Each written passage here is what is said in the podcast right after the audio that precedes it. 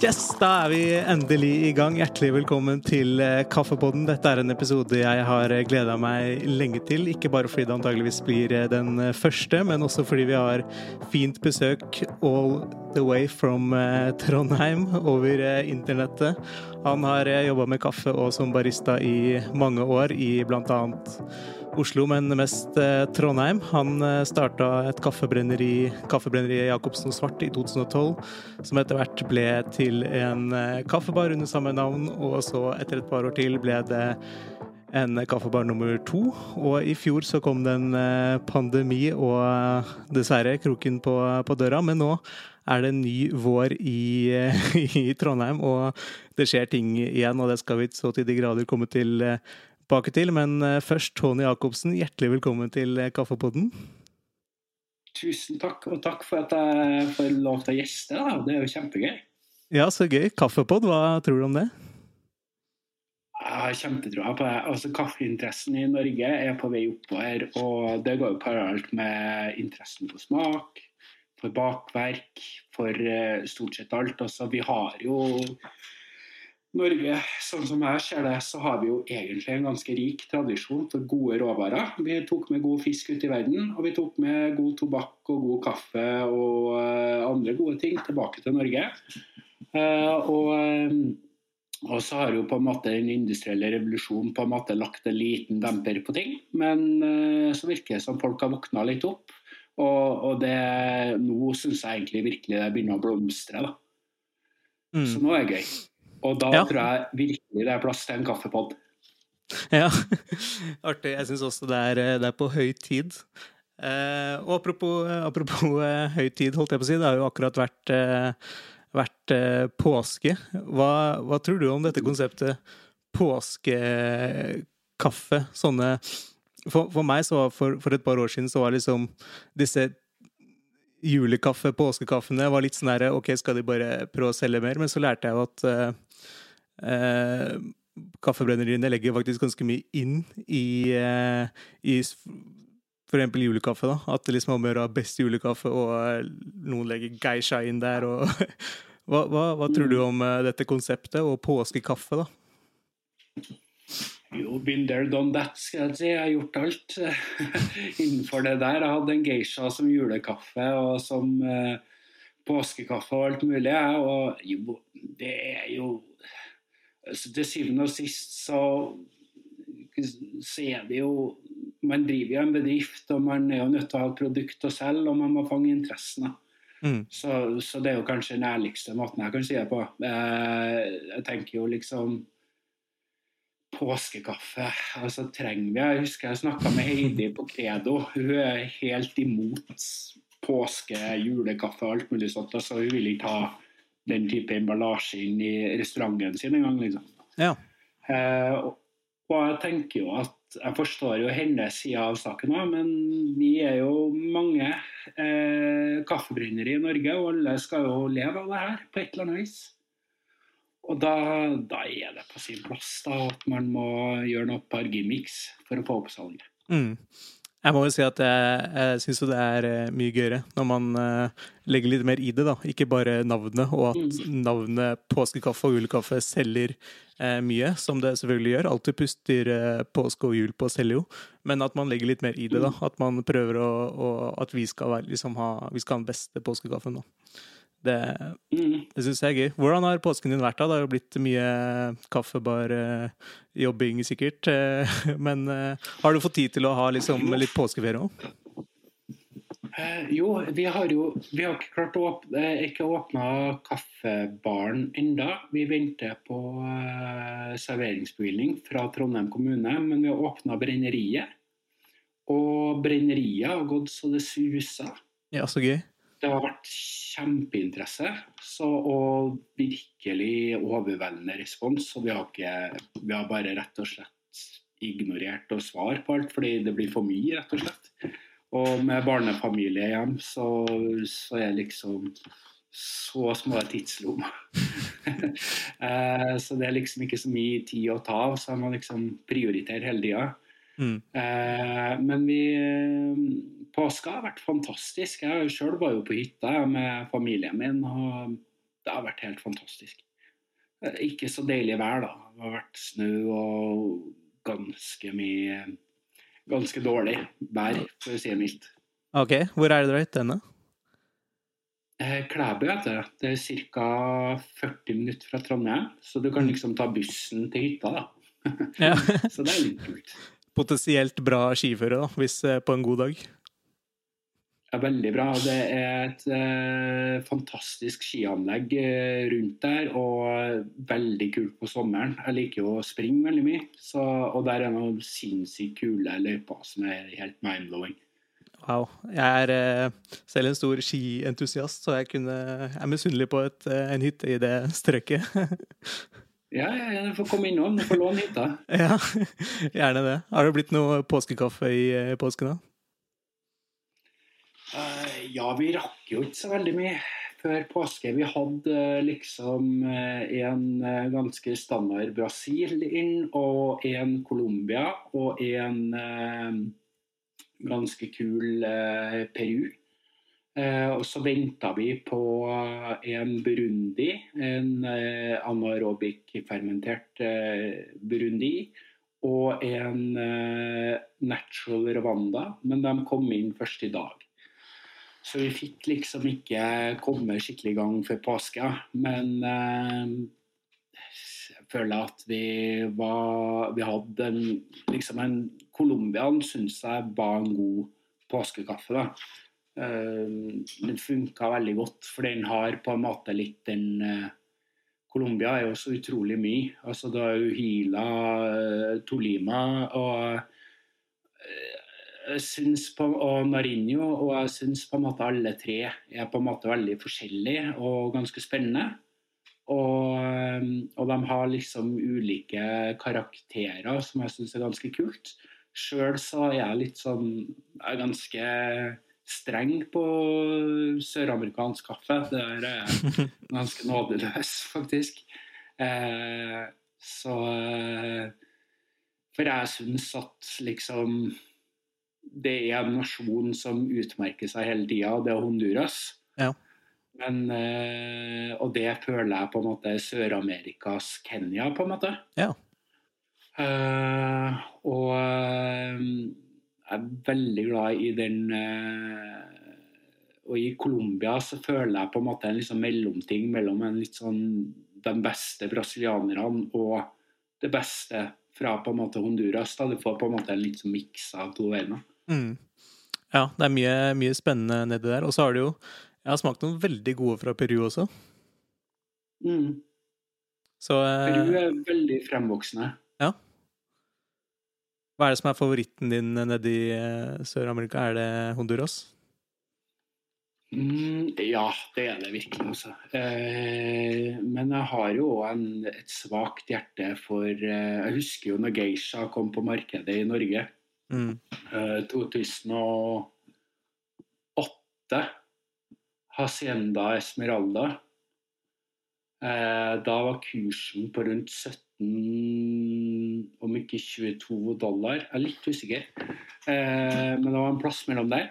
Eh, og da var det kaffa som hadde tatt det inn, og jeg huska at Robert nettopp hadde fått det inn på bordet og liksom skulle introdusere den nye fancy kaffen sin. Men for meg så var det Det var så eh, jævlig spennende. Det var jo eh, Joar og eh, Joar som driver Kaffe fra dype skoger.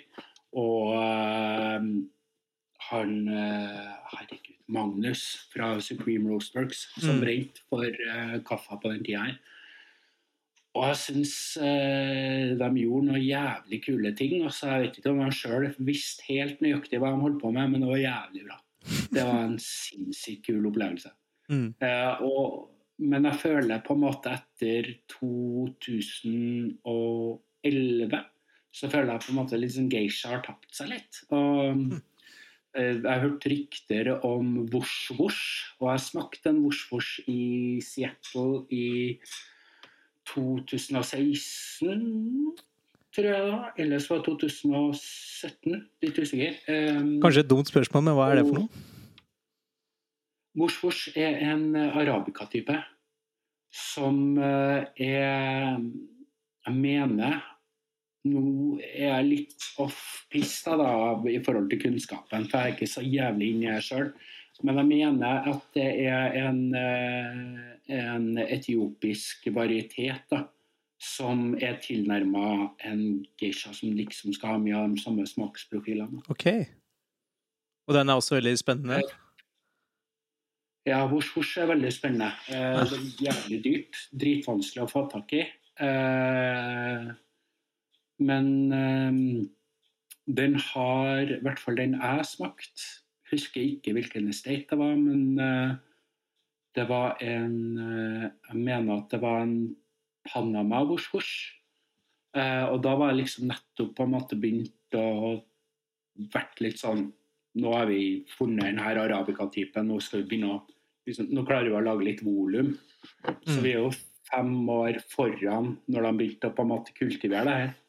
Eh, og jeg husker at jeg ble sånn Fy fankeren, her, er det, her er det noe potensial. Men eh, åh, unnskyld hvis jeg begynner å prate veldig mye sånn Nei, nei, det må du bare her. Det er akkurat det du skal gjøre.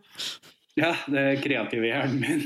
Men eh, eh, jeg syns er Eller det jeg syns er spennende da, med, med etiopisk kaffe, eller alt er jo Etiopia på et eller annet vis, men det jeg syns er spennende med å oppdage nye arabica-typer og på en måte kultivere det i ulike eh, landområder, er at eh, jeg tror liksom jeg har jo på en måte litt vedda på det her sjøl, for jeg er jo litt involvert i et sånt forskningsprosjekt der man eh, ser litt på fremtidsmat, egentlig, eh, gjennom spektrometri. Da.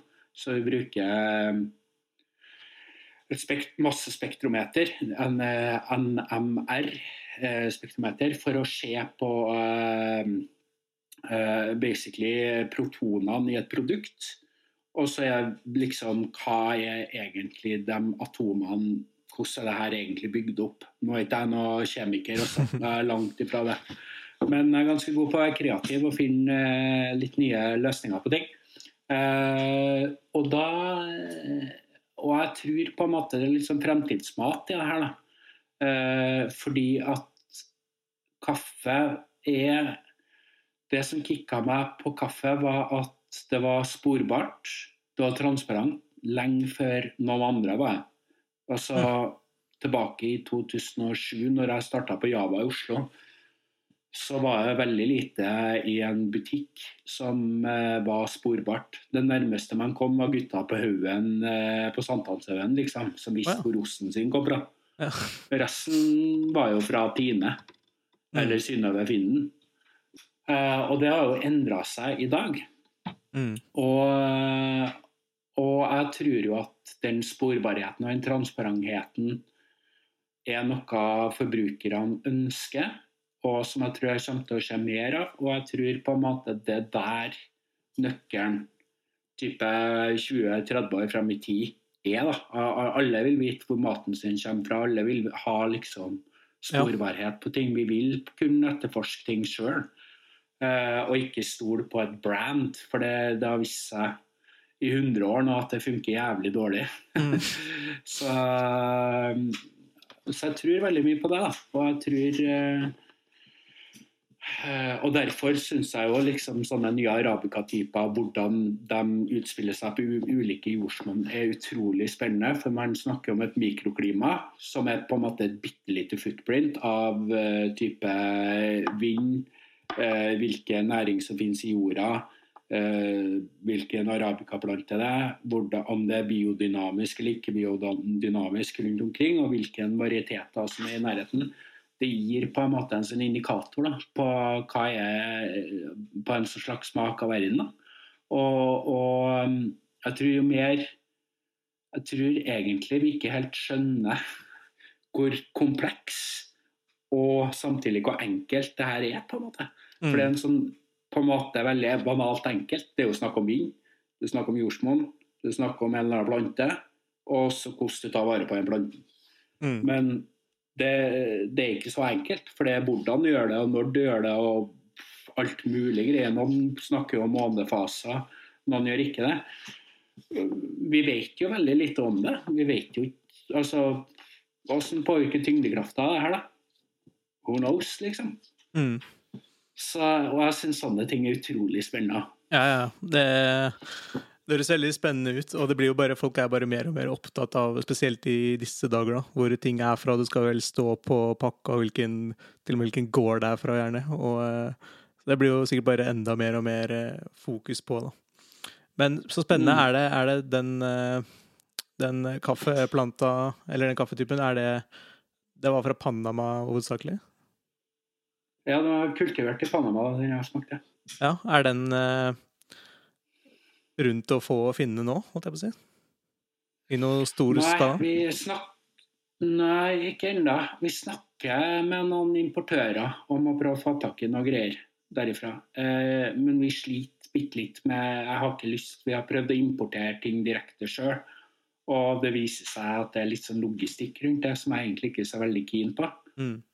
Eh, så vi er nødt til å på en måte være eh, Stole på en importør i, eh, i, i Europa da, som kan på en måte ta det inn for oss. Og Hittil så har det vært noen sånn supersuksess. Vi har funnet Vosh-Vosh eh, hos noen ulike importører, men det har liksom ikke vært Det har vært på utkikk etter, i hvert fall. Ja, OK. Det har ikke vært, uh, hørt, det har ikke vært spennende nok. Nei. Mm. Du, du begynte jo eh, Var det Java i Oslo? Var det din første baristajobb? Mm. Hvordan Så, eh, var, det, var det i forbindelse med studiet, eller hvorfor eh, begynte du der i Oslo? Jeg flytta til Oslo for å spille i band. Oh, ja. Så faktisk Så jeg hadde Vi var en gjeng Eller det var et band som var etablert i Trondheim. Som besto av ulike studiomusikere. Noen hadde jobba med Stargate. Noen hadde eh, Enen spilte i uh, var originaltrommisen i Gåte. Spiller sammen med Valkyrien Allstars i dag. Uh, og bassisten Han er jo bassist på Senkveld i dag, oh, ja. faktisk. Men var liksom en uh, gjeng da som bestemte oss for å flytte ned til Oslo og satse på musikken, og så gjorde vi det. Uh, men jeg klarte jo ikke å leve av musikken. Altså, det var jo Det er jo det er jo så vidt en kveld på byen, liksom, når det, til syvende og sist, når du skal ta hele regnskapet. Ja. Eh, men vi spilte inn ei skive, og mens jeg spilte inn en skive, så måtte jeg ha meg en jobb.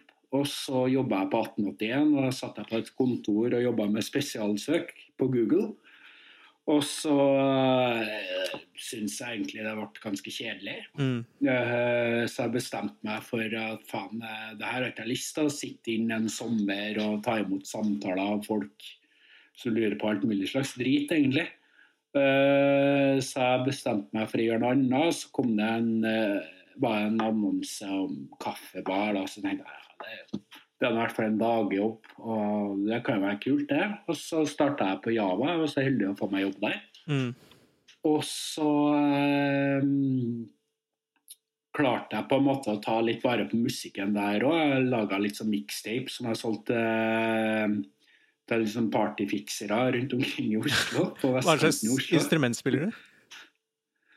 Eh, originalinstrumentet mitt er vel eh, bass. Og så spiller jeg jo gitar, og mest kompgitar. Og så eh, eh, utvikla jeg meg videre til å bli eh, låtskriver. Så jeg skrev mye låter, og eh, ja, så la, var jeg produsent. Jeg produserte en del soundtracks og litt sånne ting. da. Wow, det er jo multi, multitalent. ja, jeg er bare sjukt mye kreativitet. Jeg har spilt eh, trommer, i, trommer i hele oppveksten eh, selv. Så det er, eh, det. det er gøy å være, spille litt i, i band og med folk og sånn, men det ble med trommer. Det har ikke, jeg har ikke lært meg gitar og? Nei, jeg har ikke spilt i noe eh, syke, syke band. Jeg har heller vært med, med venner og, eh, og diverse. Men uh, Ja, det er, det er en stor hobby, da. Jeg gikk jo på folkehøyskole og spilte spilte, spilte trommer der på musikklinja. Jeg må jo nesten gi en liten shout-out til dem, for de er jo første Hermatoppen folkehøgskole. Første folkehøgskole til å ha barista-linje, som vel starta i 2015, tror jeg. Så det er Oi, utenfor Hamar, så det er kjempekult hva de driver med der. Så for de som vurderer folkehøyskole, så må dere søke til eh, Hematoppen. Så det er veldig kult. Ja visst. Kult. Nei, men uh, tilbake til, eh, tilbake til uh, Oslo. Det ble mm. Java litt sånn tilfeldig, og så var det veldig heldig som kom med innenfor noen uh, legendariske lokaler. Hvorfor tror du det har blitt en kaffebar hvor så mange profilerte barister i dag har vært innom? For man har jo, jeg har i hvert fall hørt det, da, at uh, det er så mange som sier at de har vært innom Java. Mm. Jeg tror veldig mye på at uh, for det første og fremst så har det vært et veldig sterkt grunnlag i Java veldig lenge. Som var der lenge før min tid. Um, og eh, bl.a. Trish Gotreb, uh, som utvikla Eh, den sensoriske sensoriske testen, da. den uh, Q-grader-skalaen, jobba jo sammen med Robert. Uh, og Så det liksom starta jo jævlig bra. Mm. og og så på en måte har det, det på en måte fulgt litt bedriften. Og jeg var jo så heldig å jobbe under Kave, annet, som er Altså Han er den eneste fyren, baristaen jeg kjenner, som kan komme på jobb med hvitskjorte en hel uke, og den er like spotless på slutten av uka, liksom. Uh, han har en helt sinnssyk kontroll på det han holder på med og har en sånn vanvittig interesse og en sånn vanvittig drive overfor mat og drikke som er helt unikt. Uh, og jeg jobba under uh, Mie, altså, og hun jobber vel i Kenya nå. Har jobba mye med, med eksport da, og, av kaffe. Og, uh, og, så hadde jeg jævlig mye kule folk som jobba siden av meg, bl.a. Andreas Wilthagen. Fantastisk. Vi hadde jo, jeg jobba jo sammen med en del av dem som jobber på, for Team. Uh, og um, så har liksom vært vært liksom en gjeng, da. Og så var det jævla god stemning når man kom på jobb og god drive. og jeg følte på en måte det å jobbe bak i en kaffebar, det var som å være i et band. da. Man hadde liksom kompe bakom som bare fiksa alt det barbacks skal gjøre. Og man hadde liksom vokalistene foran som uh, kjørte opp stemninga, og så hadde man uh, dem som uh, sto ved siden av og stima melka og på en måte kompa hele greia.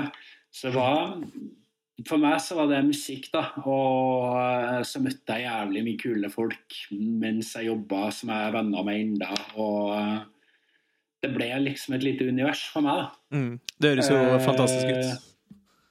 Mm. Lett sted å bli engasjert. Ja, det var det. Jeg, jeg fikk dessverre aldri Jeg kom for seint til Copy, eh, Anna og Charles, når de jobba her. De hadde jo slutta rett før meg. Eh, men de er jo en av brenneriene jeg virkelig eh, alltid har sett på som Shit, de, de er flinke. Og, og jeg syns liksom mange av dem som sprang ut ifra kaffa, bl.a. Supreme det er en sånn filosofi her da, som jeg har vært interessert i å ivareta sjøl, og som jeg har prøvd å på en måte kultivere med Jacobsen og Svart. Da. For jeg mm. følte at i Trondheim så var jeg på vei til å bli det vi ikke ville være, på en måte. For det var på en måte to retninger. Det ene var liksom den superstrikse, uh, strenge baristaskolen. Og så andre var liksom the tight, men det skal være eksperimentelt, og det skal være rom for leik, og vi skal gjøre ting Vi skal utfordre oss sjøl og utfordre kundene hele tida. Vi skal jo prøve noe nytt. Mm. Og pushe grensene. Og det har jeg vært liksom tatt med meg veldig. og liksom, Det har på en måte vært mantraet i Jacobsen og Svart. Da. Og det har vært mantraet mitt hele tida. Og jeg måtte jo dessverre stikke fra Oslo pga. Eh, liksom personlige årsaker, så jeg måtte flytte hjem til Trondheim. Jeg trivdes i Oslo. Jeg likte Oslo eh, ganske godt. Jeg. Mm. Uh, og når jeg kom hjem til Trondheim, da var det jo bare Dromedal. Og liksom det var noe sånn forsøk på å starte opp noen sånn kaffebarer. Når var dette? Mer som 2009. Ja, riktig. Rundt der. Og um, jeg fikk jo masa til meg en jobb på Dromedar, og trivdes egentlig veldig godt. Jeg likte måten Preben tenkte på. Jeg likte liksom Preben grunnla jo Dromedar og har på en måte hele tida hatt en sånn god visjon for hvor Dromedar skal være. Uh, og selv om jeg ikke var enig i den visjonen, så så jeg at liksom, faen Han, han treffer jævlig godt. En jævlig flink fyr. Og Roy òg, som uh, eh, jobba sammen med Preben, og så dem liksom gode folk. Men de var liksom litt mer kommersielle enn det jeg ville være. Så uh, jeg bestemte meg for at uh, jeg ville prøve noe annet. Så jeg tenkte liksom OK, i kaffebransjen så kommer vi til å treffe liksom de urbane studentene, liksom det er visst kundesegment som alltid har dratt på kaffebarer. Så jeg tenkte liksom faen, vi må jo gjøre noe annet. Så, så jeg gikk den andre veien. Jeg faktisk gikk Uber-kommersiell i 2010 og fikk meg jobb eh, i Jeg jobba som frilansbarista.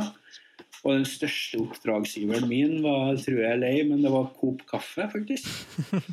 Så jeg jobba for Coop i eh, to og et halvt år. For å si det sånn, I barista-communityen eh, så ble jo det Da var jo det på en måte litt for rock'n'roll, på en måte. Eh, for det var jo på en måte litt sånn Man skulle jo ikke drive med kommersiell kaffe, man skulle liksom drive med med spesialkaffe, og jeg er jo helt enig i det. Eh, mm. Men samtidig så tenkte jeg at liksom, jeg var mer opptatt av hvilken impact ting kunne få.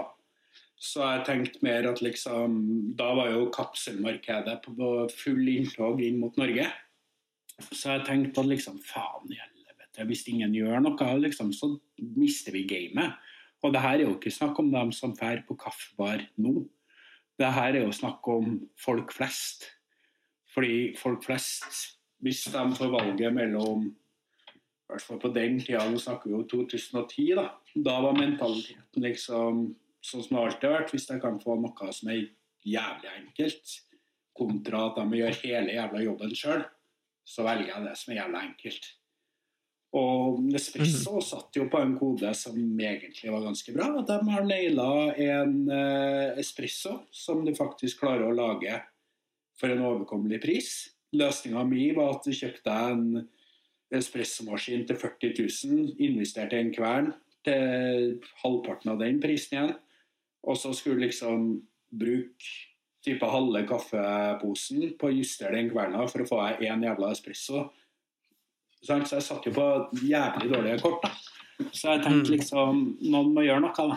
Eh, så jeg og en eh, kompis, eh, Andreas Wilthagen, vi jobba som frilansbarister. Og da for vi Vi gjorde basically feltjobb. Vi, vi, vi Coop Kaffe hadde satsa da på hele bønder. Og da dro vi inn hele bønder til folk Eh, ja, sto ute i supermarkedene og uh, ga ut eh, cappuccinoer og sånne ting. Helt fullstendig surrealistisk opplevelse. Eh, men det vi skjønte etter hvert, da var jo at liksom, folk begynte å bli med på her. Jeg husker jo første dagen min. da var jeg i Stavanger. Og da solgte vi fire kilo kaffe og gjennom hele uka tror jeg vi havna på 16 kilo. Og, og det er jo ikke mye å skryte av i en dagligvare. Men så, eh, når jeg slutta, da hadde alle Coop-butikkene i hele Norge tatt inn, eh, tatt inn eh, Wilfa kaffekvern. Vi hadde fått oh, ja. inn uh, Mokkamastere på alle Coop i hele Norge, og de kjørte kampanjer på det hele tida. Og vi hadde uh, fått inn automatiske spissemaskiner som et alternativ til kapselkaffe. Og vi solgte Fanken hva? Jeg solgt Jeg tror ikke jeg bommer når jeg sier at jeg hadde solgt tre paller med kaffe. Og det er ganske Wow. mye, da. På én Mm. liksom tre-fire dager. Mm. Eh, og sånn Det var jo på en måte Det var jo en litt skitten jobb, men på andre sida så skjønte jeg jo at liksom Det her fikk jo til å få folk til å skjønne når vi snakka om sporbarhet, når vi snakka om at liksom kaffen altså I dagligvare så er det så sykt enkle mekanismer. Det er så jævla kort timespan at liksom Facebook virker jo som en evighet i forhold. Eh, for folk vil bare ha liksom tre nøkkelsetninger.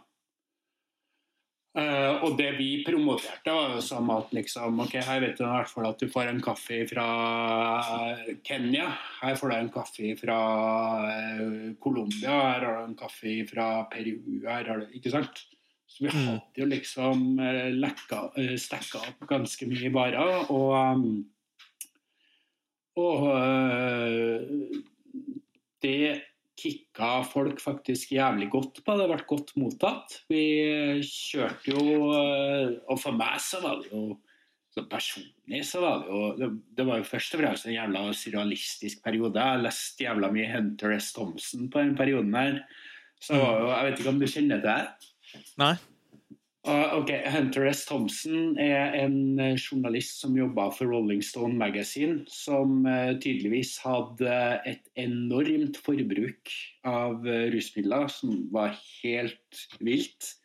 Eh, og han skriver journalistikken sin i en sånn slags betraktning av det, som er så jævlig komisk. altså Det er helt syke historier. Helt sprengt. Hvis det er Fair and Loading in Las Vegas er basert på eh, Hanna. Så det er en film som han har skrevet på en måte manus til. da. Det er en bok, egentlig. Og hvis du ikke har sett den, så anbefaler jeg den eh, filmen. Er utrolig artig. Eh, syk Sykt, sykt, sykt sprengt eh, opplegg. Eh, så jeg var veldig glad i liksom sånn surrealistiske, eh, jævlig rare ting. Så, så det her var jo sånn perfekt tid for meg.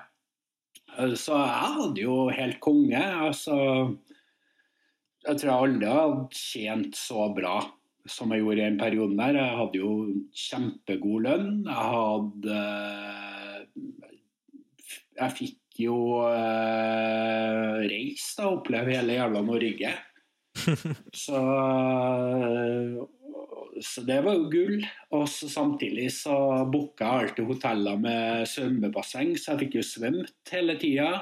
Jeg ble jo kjent med folk i alt mulig slags steder i Norge. Alt ifra liksom jævla snevre Bryne til Jeg hadde ikke så mange oppdrag i Oslo. Men Kristiansand var liksom grensa mi, og så hadde Kristiansand opp til Tromsø. da. Eh, så det var liksom det, det var jo fett, det, altså. Men du blir jo lei, da. Ikke sant? Av å fære ut og Mm. spise hver eneste dag og drikke øl med folk og Det blir liksom en livsstil da, som eh, jeg merka etter hvert ble litt for mye rock'n'roll. For meg, i hvert fall. Så jeg bestemte meg for at eh, det der gidder ikke jeg lenger. Eh, nå har jeg lyst til å gjøre noe sjøl. Så skjønte jeg i 2012 at liksom noen må jo starte et brenneri i Trondheim. Så eh, det jeg gjorde, var jo å, å eh, Jeg fant jo en kaffebrenner på finn.no. Og så fikk jeg høre om et lokale på Buran i Trondheim, som er liksom Trondheim øst. Det er liksom potensielt kan bli Grünerløkka om ti år. Men Ja. Og det er en veldig sånn spennende bydel, men det er liksom en bydel som bærer litt preg da, av at det er uh, mye historie, for å si det sånn. uh, og så, så klarte jeg liksom å ordne meg en deal der, i, på baksida. I en sånn slags bøttekott da, inni, bak en frisørsalong. Så jeg liksom starta å rigge opp brenneren der, og så fant jeg ut at det var et aircondition-anlegg der. og Så kobla jeg meg på det, og så plutselig, så, før jeg visste ordet, så hadde jeg med meg liksom folk fra NTNU og ingeniører og alt mulig. Og så satt vi og fylte opp hele rommet med fuktighet for å se hvordan det kunne påvirke kaffebønner. Og så tørka vi hele rommet, så det var null fuktighet. Og så så vi hvordan det påvirka kaffen. Så vi ble liksom sånn jævlig nerdete på det vi holdt på med. Og så etter hvert så kom det jo faktisk kunder innom og ville kjøpe. Gjorde det det stort jo eh, liksom- Ja, det, det gjør det. Og så fikk, vi, fikk jeg være med på noe som het Lunsj på NRK P3 med Torfinn Borchhus og gjengen der, som liksom var så surrealistisk greie. Og så viste det seg at Torfinn Borchhus i NRK eh, hadde, var veldig stor fan av kaffen og var veldig gira på å få meg inn og prate om det syke vrenneriet mitt. da. Eh, og så begynte jo liksom ting å balle på seg derifra.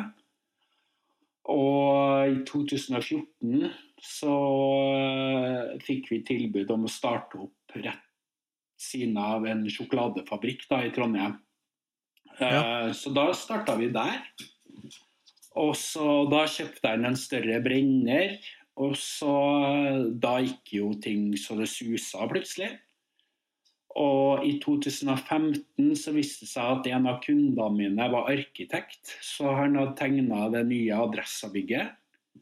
Og hadde sto som entreprenør for hele driten. Og ville ha oss inn der, da. I eh, liksom det som ble kaffebaren til Jacobsen og Svart. da.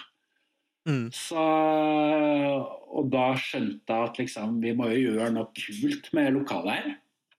Uh, så vi fikk en sånn motorsagkunstner til å utforme hele baren for oss. Uh, og så var jeg ganske sikker på at vi ville drive med håndbrygg. For vi ville liksom at hver eneste kaffe skulle ha en signatur, da, enten om vi hadde en god dag eller om vi hadde en dårlig dag. Så skulle det alltid være en signatur av oss. da. Mm. Uh, og så, eh, ja, når vi starta, så Jo, det var kult, men det var jo jævlig mye arbeid, og det tok jo veldig lang tid før folk på en måte oppdaga plassen. Men eh, så begynte det plutselig å skje et par ting, som begynte, så snøballen gikk fortere og fortere. Og vi hadde jo et radiokanal inn i kaffebaren. Så vi hadde egen, eh, så var liksom en egen Trondheimsradio. Og så var det liksom kaffebaren, da. Og så eh, begynte jo liksom Skjønte jo etter hvert at liksom det begynte å gå et rykte. fordi når Bruce Springsteen spilte i byen, så kom liksom roadiesen innom kaffebaren før eh, de skulle på jobb igjen. Så det ble liksom stammisplassen deres. Så det var en kul historie. Ja, ja. Eh, og så etter hvert så kom jo faktisk Larry King inn òg. Vi hadde jo eh, Så vi har jo Og eh, statsministerens kontor. Hver gang de var i Trondheim, så måtte de innom Jacobsen og Svart da, for å kjøpe seg, kjøpe seg kaffe hjem. Da. Så det ble jo, det ble jo veldig, veldig eh, artig, kul kaffebar. Vi hadde veldig mange musikere. Vi hadde noen australske musikere som bodde i Trondheim, men som turnerte hele verden. Og satt der og skrev og øh, jobba med marketing og promotion og sånne ting derifra. Så det ble liksom en ganske en kul greie. Og så eh, tenkte vi at faen, vi må gutse da, og gjøre noe ekstra gøy. Eh, men jeg var liksom ikke klar for det i 2016, ikke 2017. Da ble jeg jo pappa for første gang. Ja. Så da måtte jeg ut i pappapermisjon. Og eh, da måtte jeg var faktisk tvunget i en hjemmesituasjon til å ta temmelig mye ansvar hjem. Mm. Eh, og så eh, skulle jeg sakte til sikkert tilbake til jobb, og så uh, jobba jeg meg tilbake. Og så eh, fikk vi litt nyss i at eh, det skulle åpnes et sånt miljøvennlig bygg da, nede ved havna i Trondheim. Og da visste jeg at liksom, ok, det kommer ikke til å bli en sånn kjempesvær greie med det første, så må lage det som en destinasjon. Så ideen min var liksom å lage en sånn slags camp, da. Så basically jeg var tømmerbord og sånne type ting. Og ja. jævlig kul parkområde utenfor. Og eh, sånn. Og da begynte det liksom å strømme til en del eh, Så var liksom en del kontorer og sånne ting som var der. Og så var det noen sykkelbane som binder sammen på en måte Oslo Nei, Oslo, så er Trondheim eh, øst med vest, på en måte. Mm. Uh, og sørsida. Og uh, så jeg tenkte jo at liksom faen, det er jo en jævlig kul plass der du kan selge liksom Stanley-termoser og servere kokekaffe på bjørkekvister og gjøre litt kule ting, da. Mm. Så, og det var på en måte forretningskonseptet. Og vi gutsa jo alt vi hadde. Og uh, det kosta jo dessverre mye mer enn det jeg hadde råd til. Mm. Mm. Og så uh, ble jeg sykmeldt eh, av stress. Så jeg begynte liksom å få sånne flekker på kroppen og greier.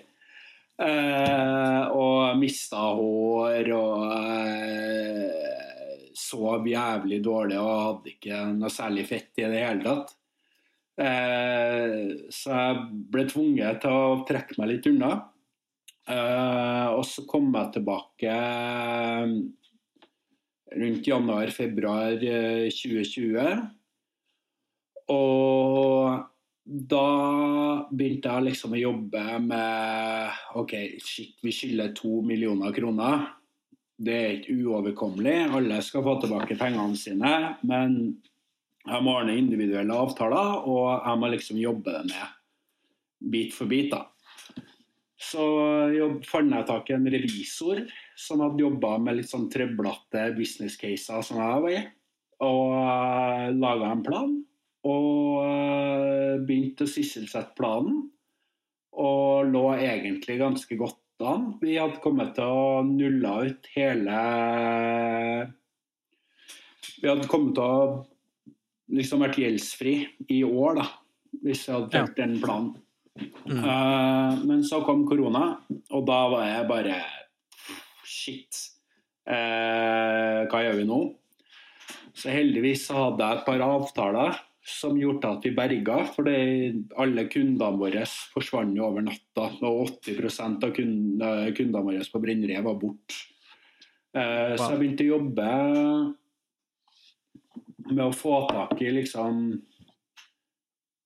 Få tak i gode Ja, jeg hadde et par caser, så jeg klarte å drive inn eh, rundt 200 000. Så jeg hadde liksom nok likvider til å klare meg til mai. Og eh, vi jobba ut eh, april og fikk det egentlig ganske mye kule ting i april. Det var, så ikke sånn ravgæli ut, men vi klarte ikke å betjene Vi hadde en temmelig høy husleie på 600 000 i året.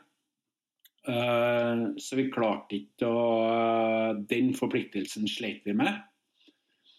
Og så, når mai kom 17. mai, husker jeg da var det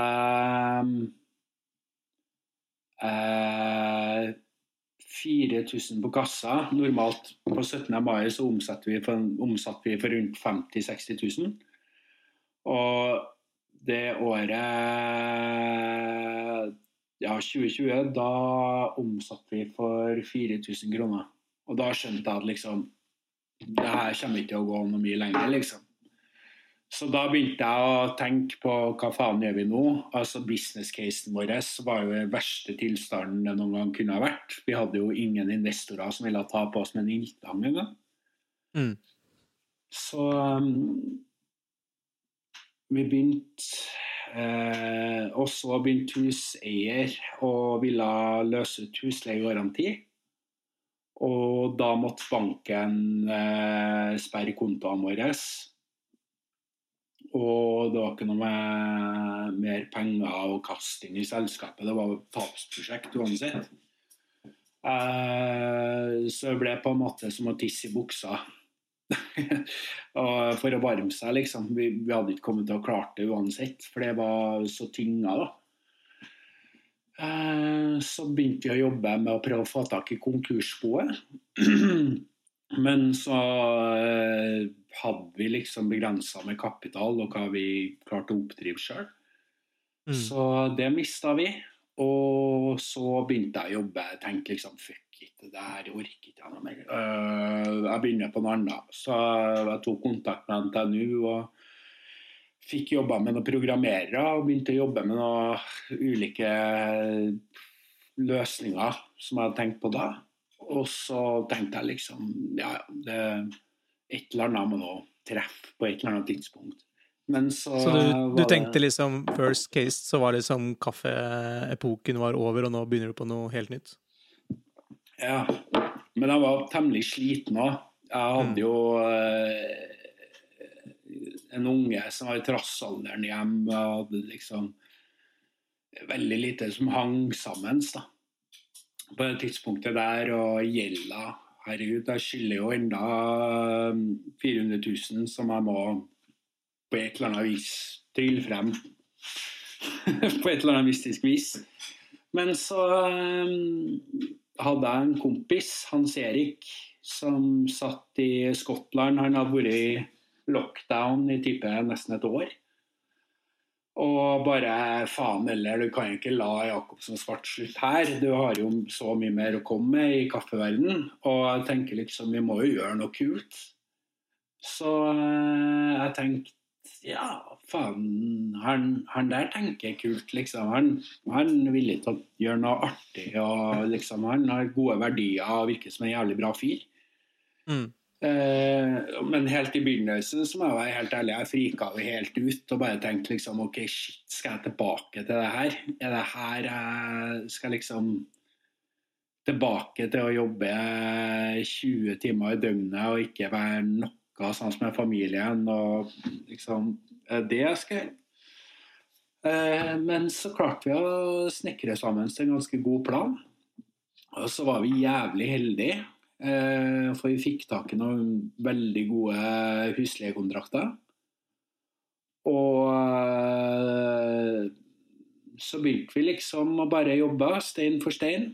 Og så, før vi sto av det, så eh, var jo adressa på døra. Og liksom lokalavisa ville begynne å skrive om oss. Og jeg var liksom ikke helt klar for å slippe ut nyheten helt da. Og så mm. før påske, da tenkte vi nå nå må vi liksom få ræva i gir. Så Og da sto jo vi begge og jobba på Brenneriet og kosa oss som faen og bare tenkte liksom faen, nå nå koser jeg meg. Nå har jeg ikke hatt noen dårlige dager på dritlenge. Jeg føler det her gir mening. Jeg har lyst til å gjøre det, liksom. Mm. Så Og da bare falt ting på plass, og så bare Shit, det her gjør vi. Og øh, nå er vi her, og nå er liksom startskuddet gått, og ting ruller veldig bra. Uh, nettbutikken går så det synger etter. Og uh, det er liksom Det er veldig stor interesse, og folk er veldig glad for at vi er tilbake. og jeg føler at det er en slags mening da, om at jeg skal fortsette på det sporet jeg er på. Mm. Uh, oh, det er så fantastisk å, å høre, og at uh, nettbutikken går bra, og at uh, folk er, er, engasjert og gira på å få det her tilbake igjen. Ja. Det føles jævlig godt, da. Altså, jeg var jo, må jo ærlig innrømme det. Jeg hadde jo virkelig mine tvil. altså I markedet vil de virkelig at vi skal komme tilbake nå? Er ikke liksom litt sånn kult at liksom Ja, ja, det var dritbra når det var, og så nå gjør vi noe annet, liksom. Men jeg føler at vi har en jævlig god plan på det vi holder på med, og jeg føler at nå får jeg lov til å uttrykke meg uh, sånn som jeg vil sjøl. Jeg har liksom frie tøyler, eller Selvfølgelig, jeg må jo snakke med kollegaene mine, men jeg føler at jeg får mye mer gjennomslag. Får litt mer den kreativiteten og gøyale og det, det jeg syns er dritkult. da. Uh, og det å på en måte tørre å leke mer med konseptet sitt og, og, liksom dra det i forskjellige retninger. og liksom Det er alltid kaffe som er kjernen vår. Det er der hjertet vårt er. Men mm. det er òg liksom menneskene og, og, ikke minst naturen og det at vi jobber med et agrikulturelt produkt som er tilsynelatende ganske enkelt, men dessverre ganske kompleks òg. Det, det, gir så mye mening, da. Mm. Ja, jeg tror absolutt at uh, Jacobsen og Svart eh, skal, uh, skal, bestå. Og uh, det er en viktig kaffebar i, i, Trondheim som nok er på manges liste. Du nevnte jo noen i stad. Men blant annet jeg er en av de som bare må en tur innom. For de som ikke vet, hvor er det man finner dere nå? Vi er i Fjordgata i Trondheim. Rett attmed Nidelva, ikke så langt unna jernbanen. Mm. Uh, og kaffebaren startes i Parallellgata, så det er ca. 20 meter unna Kaffebrenneriet. Vi har valgt å holde dem separat, sånn at uh, liksom Kaffebrenneriet kan jobbe mer i ro når det trenger å jobbe mer i ro, og ha åpent når det er litt mer rolig. og sånn type Sommersesongen så er det veldig mye turister som går forbi der. Så da har vi tenkt at det kan være en kul plass å stikke innom og ta en digg espresso, eh, kjøpe seg noe kaffe hjem. Eh, at det er på en måte en litt mer sånn Jacobsen og Svart Ekspress, da, på en måte. Mm. Eh, så litt, ja, det er litt der vi jobber nå, da. Og så eh, ser vi for oss at i Brattegata, der har vi et samarbeid med Arkitektenes hus og Arkitektforeninga som har husleiekontrakten, og så er det på en måte en framleie til oss. Og der ser vi for oss at eh, vi har lyst til å satse på mat som komplementerer kaffen. Og vi har lyst til å på en måte dra inn litt nye elementer eh, i baristaverdenen. baristaverden. F.eks. så har jo på en måte te vært litt sånn fjernt innenfor baristaverdenen, men jeg syns at det, det, er jævlig mye kule ting som skjer i te. Og jeg syns at liksom det kan være et poeng da, hvis, du lyst, hvis, du er litt sånn gira på å bli litt kaffeinert i løpet av en times tid. Så det er kult å kunne starte med noen noe veldig kule, komplekse teer, og så kan du gå over på et håndbrygg, og så får du på en måte mye mer uh, opplevelser da, uh, mm. knytta rundt liksom det agrikulturelle produktet som kaffe og te er. Og så tror jeg på en måte maten blir der og liksom støtter opp under. Det blir liksom rent og liksom nordisk, men samtidig vi har vi har gutsa med liksom Han er jo en hobbykokk, han vi har ansatt, men han er jo, han er jo en kokk. Han har jo liksom hjertet og sjela i maten og skjønner liksom konseptet. og han liksom klarer å se at liksom det blir ikke noe chiligryte og sånne ting. Her blir jeg liksom enkle, nordiske, kline ting, men som ikke liksom, som er der sammen med kaffen. Og det å kunne jobbe med en sånn fyr som har en sånn approach, det er, det er nydelig, rett og slett. Mm, wow, så spennende. Mm. Det blir uh, utrolig gøy å, å, følge med på uh, utviklingen og hvordan uh, dette blir med espresso med, med, kaffebrenneriet. Med, og den sommerviben som kan, kan, skje der. Ja, jeg gleder meg sånn. Det er helt utrolig. Mm -hmm.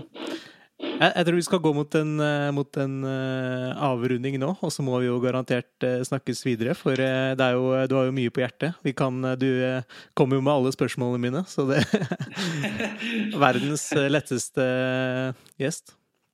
Ja, det, det setter jeg pris på å høre, da. jeg, jeg tenkte du kunne avslutte med fem, med fem kjappe spørsmål. Mm. Hva er din favoritt kaffebar, hvis du skulle valgt en uh, annen enn uh, Jacobsen og svart? Ja, ja, herregud. Uh, Oslo så er det jo Team og Supreme. Og det føler jeg på en måte Jeg kan ikke si Supreme bare, selv om jeg har et veldig hjerte for filosofien deres. Men jeg har òg et hjerte for det Team holder på med, og måten han tenker på ting. Uh, jeg har ikke vært, kaffe, vært, i Oslo på en god stund, så jeg har liksom ikke fått med meg liksom Dapper og alt det som skjer, og Tailor-Made og alt det der. Uh, men jeg syns liksom nivået på brennerier i Oslo og nivået på kaffebarene er veldig, veldig bra. Uh, og så har jeg Om det er en kaffebar jeg virkelig liker veldig, veldig godt. Eh, så det er København. Eh, på det biblioteket i København eh, så er det noe som heter Democratic kaffebar. Den har jeg aldri sansen for. Måten de mm. liksom Det er to ting de må teste. Det er croissanter og håndbrygg, liksom. det er sinnssykt kul, veldig laidback. Gjør ingenting ut av seg men jævlig bra. Mm. Og, og, så er jeg jævlig glad i eh, Smakverket i Bergen. Ja. Eh, for der syns jeg òg de har fått det De har fått en sånn deilig vibe av liksom sånn ujålete Du får liksom eggs benedict og en sykt god, fruktig kaffe. Um, og uh, ja, det, det, er dem jeg har nå. Ja, spennende. Absolutt. I, I, København der så er det jo det en destinasjon som man uh, kan teste ut når det åpnes uh, opp litt igjen. Hva er din favorittkaffe, mm. uh, hvis du skal velge en all time favorites? Å, oh, herregud. Shit. du skal velge én? Én. Takk, takk, for den. Det er et stort, stort spørsmål. ja, det er så sykt av uh, Vente med den til neste episode, kanskje? ja, den må jeg virkelig tenke på, altså, fordi det er et veldig vanskelig spørsmål for meg. Hva eh, eh, Hvilken bryggemetode er det du foretrekker? B60.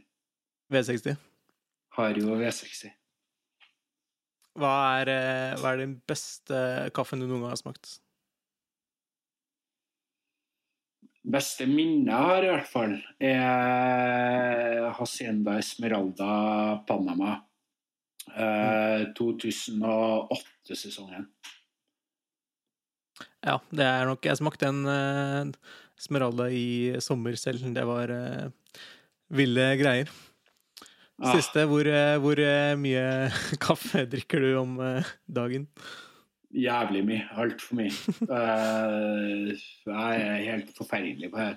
Uh, tipper én til to liter. Solid. Du, jeg tror vi takker så mye for denne gang, og til alle andre, støtt Jacobsen og Svart. Gå inn på nettsiden, kjøp en pose, stikk innom i Trondheim. Så sier vi takk for i dag. Adjø. Takk for at jeg fikk komme.